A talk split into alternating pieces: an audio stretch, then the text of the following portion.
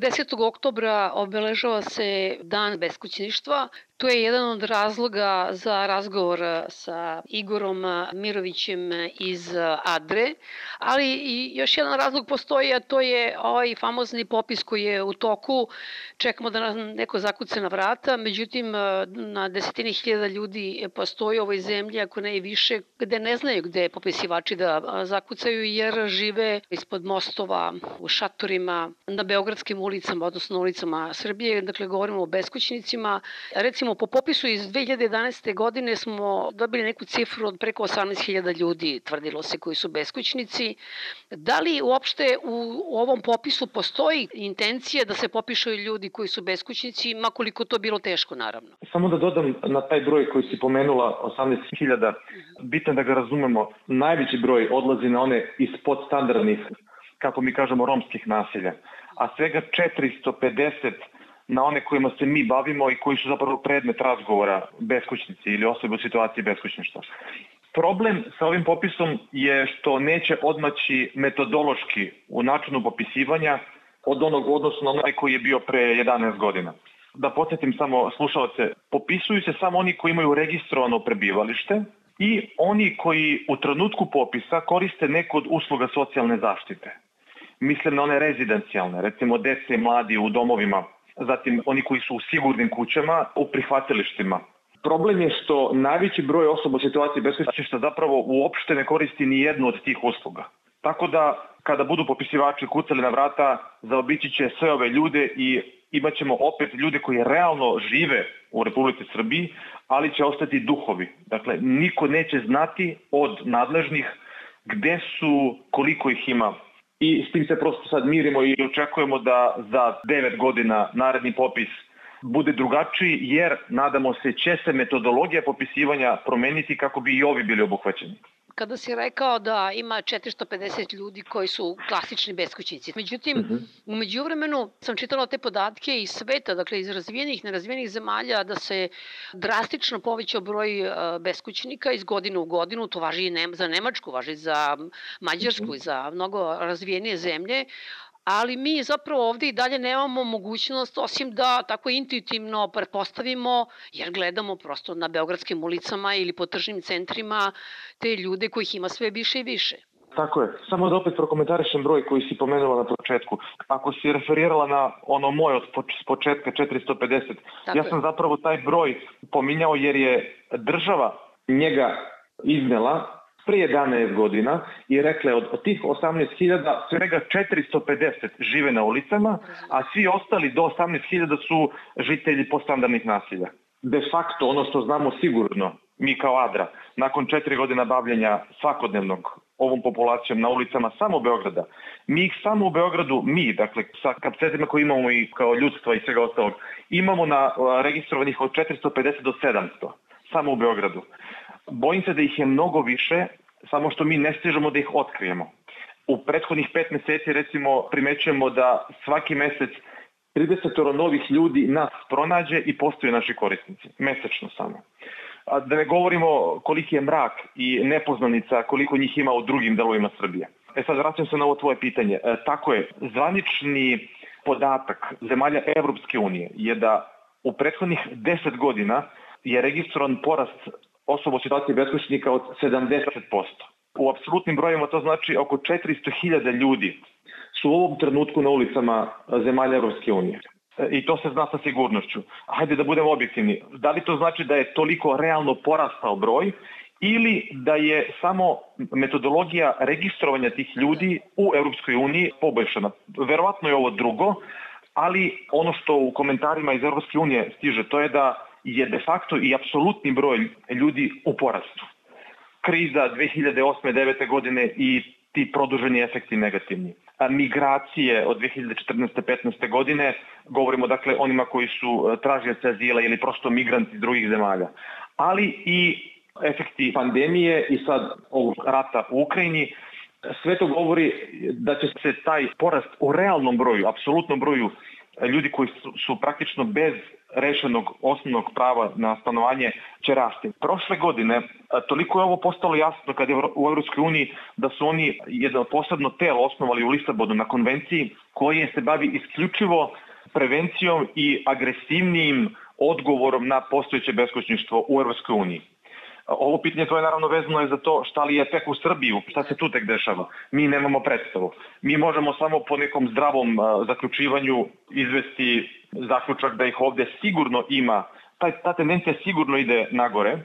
Ako sad dodamo na to da ljudi svi koji mogu odavde odlaze van zemlje, ovi ljudi sigurno ne mogu da odlaze, makar zbog toga što nemaju dokumenta tri četvrtine njih nemaju lična dokumenta. Dakle, da hoće da traže negde spas, oni ne mogu. Tako da broj stanovnika se smanjuje u Srbiji, ali broj ovih ljudi raste. Tako da i udeo u procentima u opštem stanovništvu najverovatnije je sve veći. Ljudi koji su u situaciji beskućništva u Srbiji. Samo u Beogradu se govori između 5 i 7 hiljada ljudi koji su beskućnici na ovaj ili onaj način, jeli? Tako je. To su opet neke naše pretpostavke zasnovane na nekim iskustvima.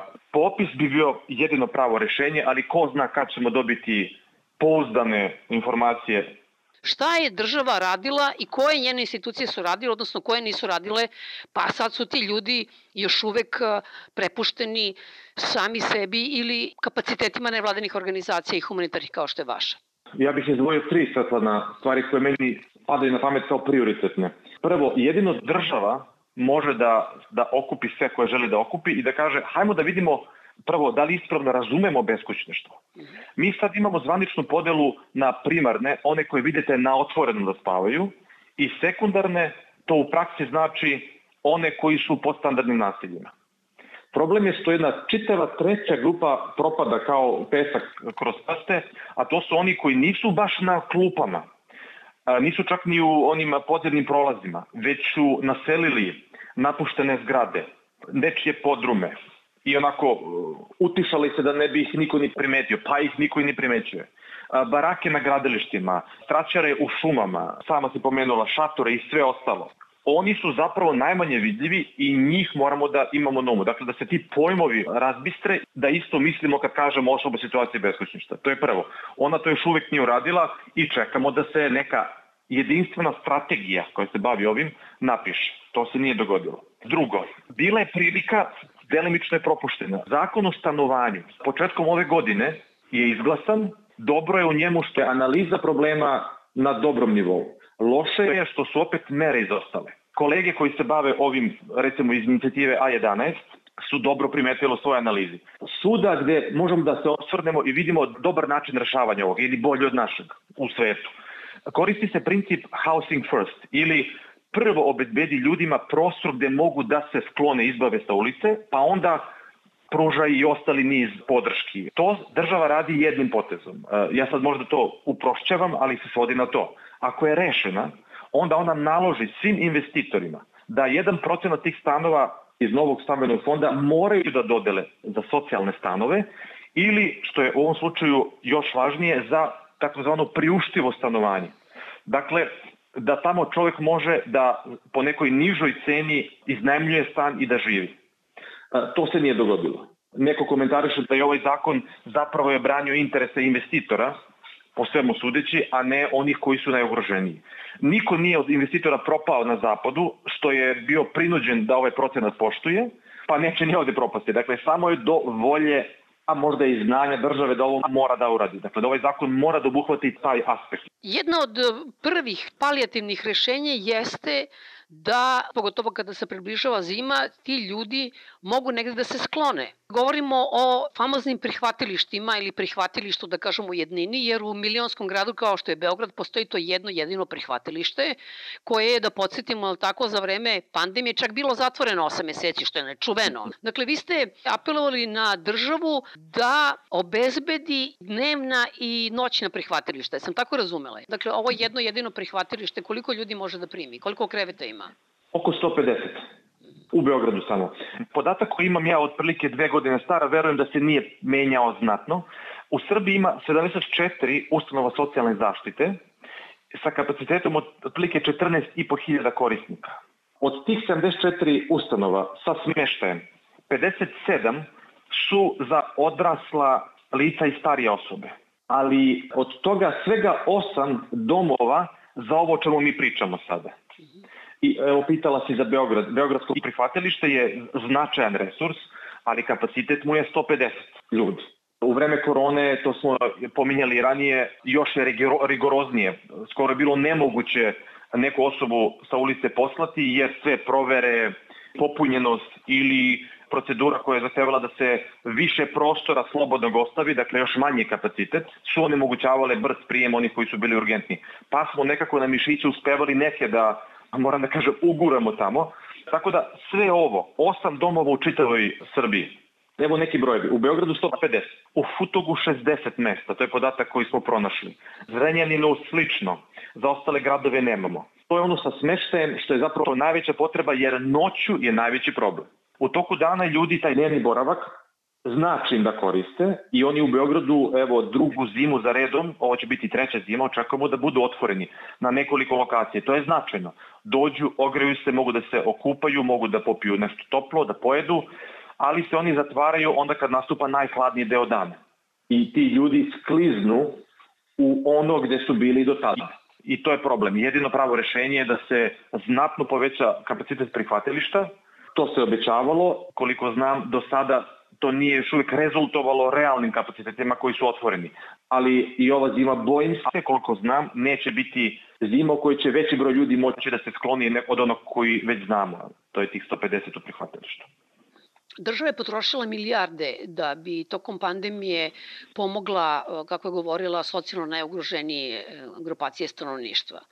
Da li postoji način da nešto što država opredeli za pomoć e, najugroženijim ljudima ima načina da stigne do ljudi koji su u stanju beskućništva, jer rekao si malo čas prvo da većina njih nema ni dokumente, nemaju ni adresu stanovanja. Dakle, tu se sada vraćamo ponovo na onu situaciju da ako ne znate i niste registrovali ljude, nigde ih ne vodite, da vi i da hoćete, ne možete da dođete do njih, a niko se i ne trudi da dođe do njih da bi im uručio tu pomoć koja se uručuje drugim ljudima koji su socijalno ugroženi. Tako je. Te pomoći koje pominješ, a i druge pomoći su uvek uslovljene bile i biće time da li si u sistemu, da li imaš ličnu kartu, evo, konkretno ono što smo dobijali u vreme pandemije. Pošto, kao što se rekla, većina njih nema ličnu kartu, mogu da se slikaju samo. Nema od toga ništa i tragedija je da oni koji su najugroženiji zapravo ih zaobiđe ono što je njima bilo i namenjeno. Ko je kriv, sad možemo da pričamo ko je kriv, ali sve počinje tamo gde počinje. Ako nismo dogovorili kako da ne dozvolimo da postoje duhovi u našim gradovima i selima. Ako nismo dogovorili, ovo su sve tužne, tragične posledice toga, tako da je negde početak krivice tamo negde. Hajde da prvo to definišemo i to što pre, kako bismo počeli da ih prepoznajemo ajde da kažem i ovo, sistemu po definiciji treba vremena da se sad preorijentiše, da sad sve živo bude tako prilagođeno da prvo ne propuštamo ove ljude koji su najmanje vidljivi, koji su najveći potrebi za tim. Treba vremena sistemu, ali umeđu vremenu neka vrsta skele privremenog rešenja mora da postoji. Dakle, dok država menja svoje zakone i terminologije i politike, umeđu vremenu ovi ljudi žive i pate i stradaju. Mi dobijemo svaki mesec informacije od naših korisnika koji su nastradili na ulici od razloga koji su se mogli preduprediti. Dakle, umeđu vremenu treba nam nešto da te ljude spasavamo. Neće moći da čekaju.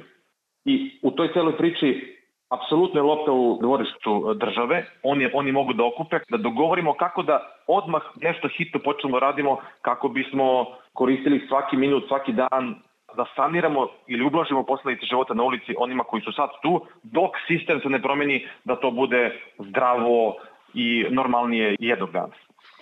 Ako neki građanin ili policija je, primeti nekoga koji u, ne znam, u podzemnom prolazu na terazijama ili negde na ulici i teškom je stanju, što je veoma često slučaj, pogotovo zimi, kako ide onda taj, kako kažemo, lanac dalje, mislim, njihova sudbina?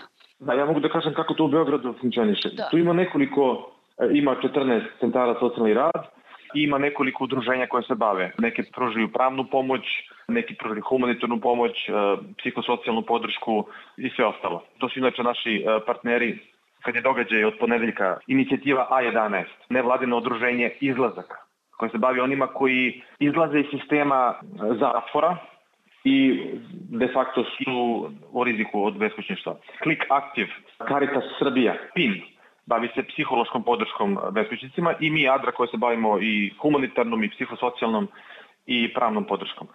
Svi mi dovoljno smo tu da centri kada im neko javi ili vide mogu li sami pomoći ili upute ih na nas ili pozovu nekog od nas. Kako to u praksi izgleda? I ako nas pozovu, problem je što onda glavno rešenje kako tu osobu negde skloniti je opet u rukama države. Onda mi opet, opet ili kontaktiramo prihvatilište kada je u Beogradu pitanju, ili se snalazimo i onda prijatelji, poznanici, kolege, sakupimo nešto novca da ta osoba može da iznajmi na dva meseca, mesec, dva dana neku sobu kako bi se sklonila ili ne uspemo to da uradimo. Ako to ne rešimo, mi svejedno ostalo pokušamo konkretno mi šta radimo. Da otprilike 600-700 ljudi svaki mesec kroz taj naš drumodom vozilo, koje je faktički kao mali stan na točkovima, odemo tamo gde, gde oni mogu lako da nas pronađu. Tuširanje, jer se mnogi sedmicama nisu tuširali, to je pitanje i dostojanstva, i zdravlja, i e, samopoštovanja i svega ostalog. Ostave prlja veš pokupe od nas. Čist veš koji su ostavili pre toga, koji operemo u vešeralju ili dobiju pakete pomoći onog što imamo na raspolaganju, što građane ili firme doniraju. Higijena, tople odeće ili sezonska odeća ili obuća koja strada najbrže u celoj toj priči. To radimo na tom autobusu. To je higijensko-humanitarne stvari. Drugo je naši lekari u okviru autobusa i mimo toga pronalaze ljude koji su na ulici i pruža tu urgentnu medicinsku pomoć. I na neki način kroz nas ti ljudi imaju sad priliku da priđu sistemu zdravstvene zaštite. Ako nemaju knjižicu, mi im platimo, mi odemo sa njima tamo, pomognemo u komunikaciji, jer i to je problem. Platimo troškove i onda pratimo kad neka terapija krene, na primjer, a većina su hronični bolesnici, pratimo situaciju da se ne dogodi najgore. I treća podrška je psihosocijalna podrška. Oni su u najvećem broju slučajeva sa oštećenim mentalnim zdravljem.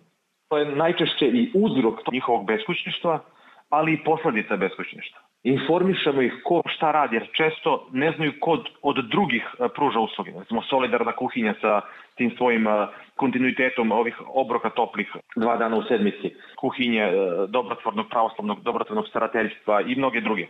I ono što je najvažnije, pokušamo da sa njima izguramo te skoro nekad nemoguće postupke dobijanja lične karte.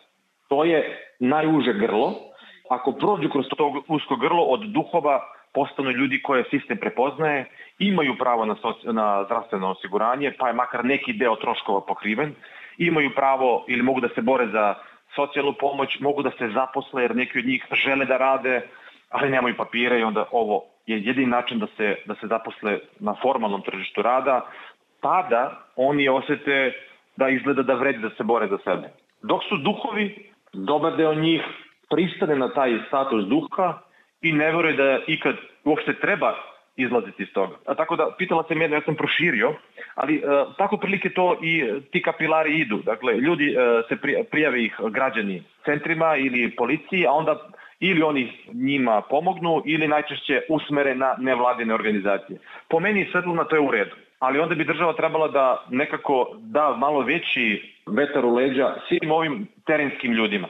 Meni je bilo simptomatično kad sam negde pročitala, ne znam koliko je tačno, ti ćeš me demantovati, recimo da je ovaj baš autobus koji si pominjao, da on nema pristup struji, zato što vas tretiraju kao, je tako, vozilo, a vozilo ne može da bude prikačeno na struju, nego mogu samo objekti.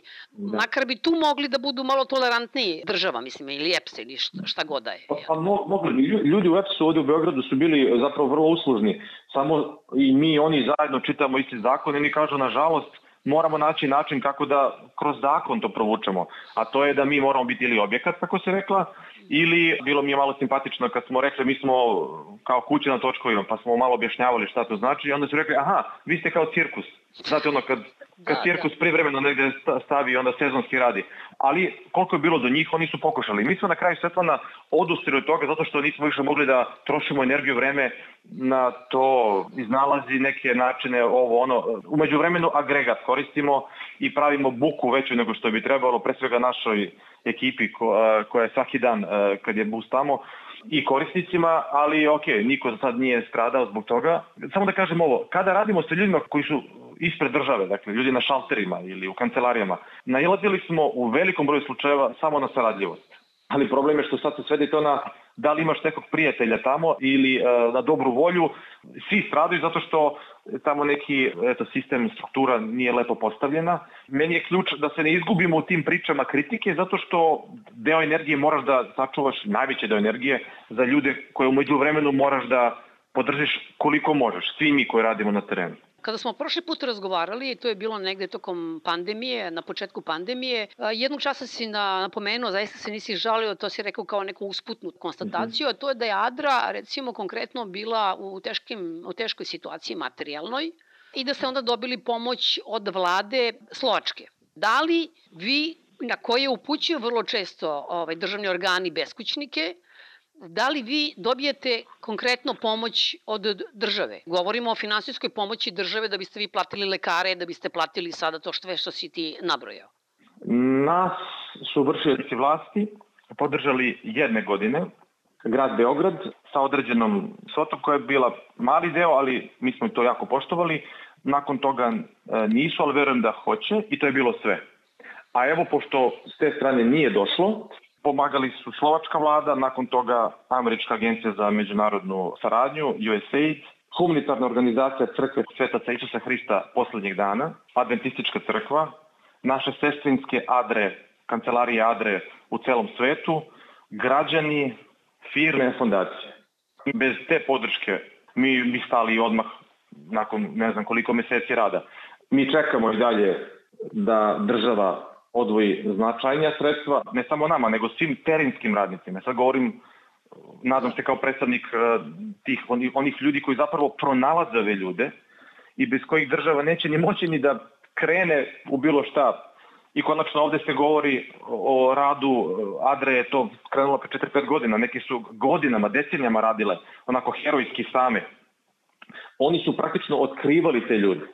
Bez njih ni mi ne bi mogli da se nakalemimo i da idemo dalje. U ponedeljak, dakle u 5 sati popodne ispred Razijske česme će biti održana jedna akcija Niko bez hrane, niko bez krova, niko bez podrške.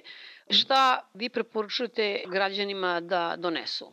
Konzervirana i suva upakovana hrana, obuća, sportska i udobna i za muškarce i za žene, zimske jakne, trenerke, dukserice, farmerke, ali i donji veši čarape, rančevi, najčešće oni sve što imaju nose u rančevima, ćebac, vreće za spavanje, lična higijena, vlažne maramice, pena za brenje, higijenski ulošci, tamponi, medicinska pomagala, štake i štapovi, pelene za bebe i bebi kozmetika, jer imamo, nažalost, porodice koji su de facto beskućnici. I ko bude želeo može da ostavi i novčana sredstva, bit će kutija i koleginica koja će biti kre kutije i mi ćemo izveštavati kako smo ta sredstva utrošili na našim e, Facebook stranicama. Igore, hvala puno na ovom razgovoru. Vidimo se dakle u ponedeljak e, u 5 sati ispred Terazijske česme. Hvala Svetlana.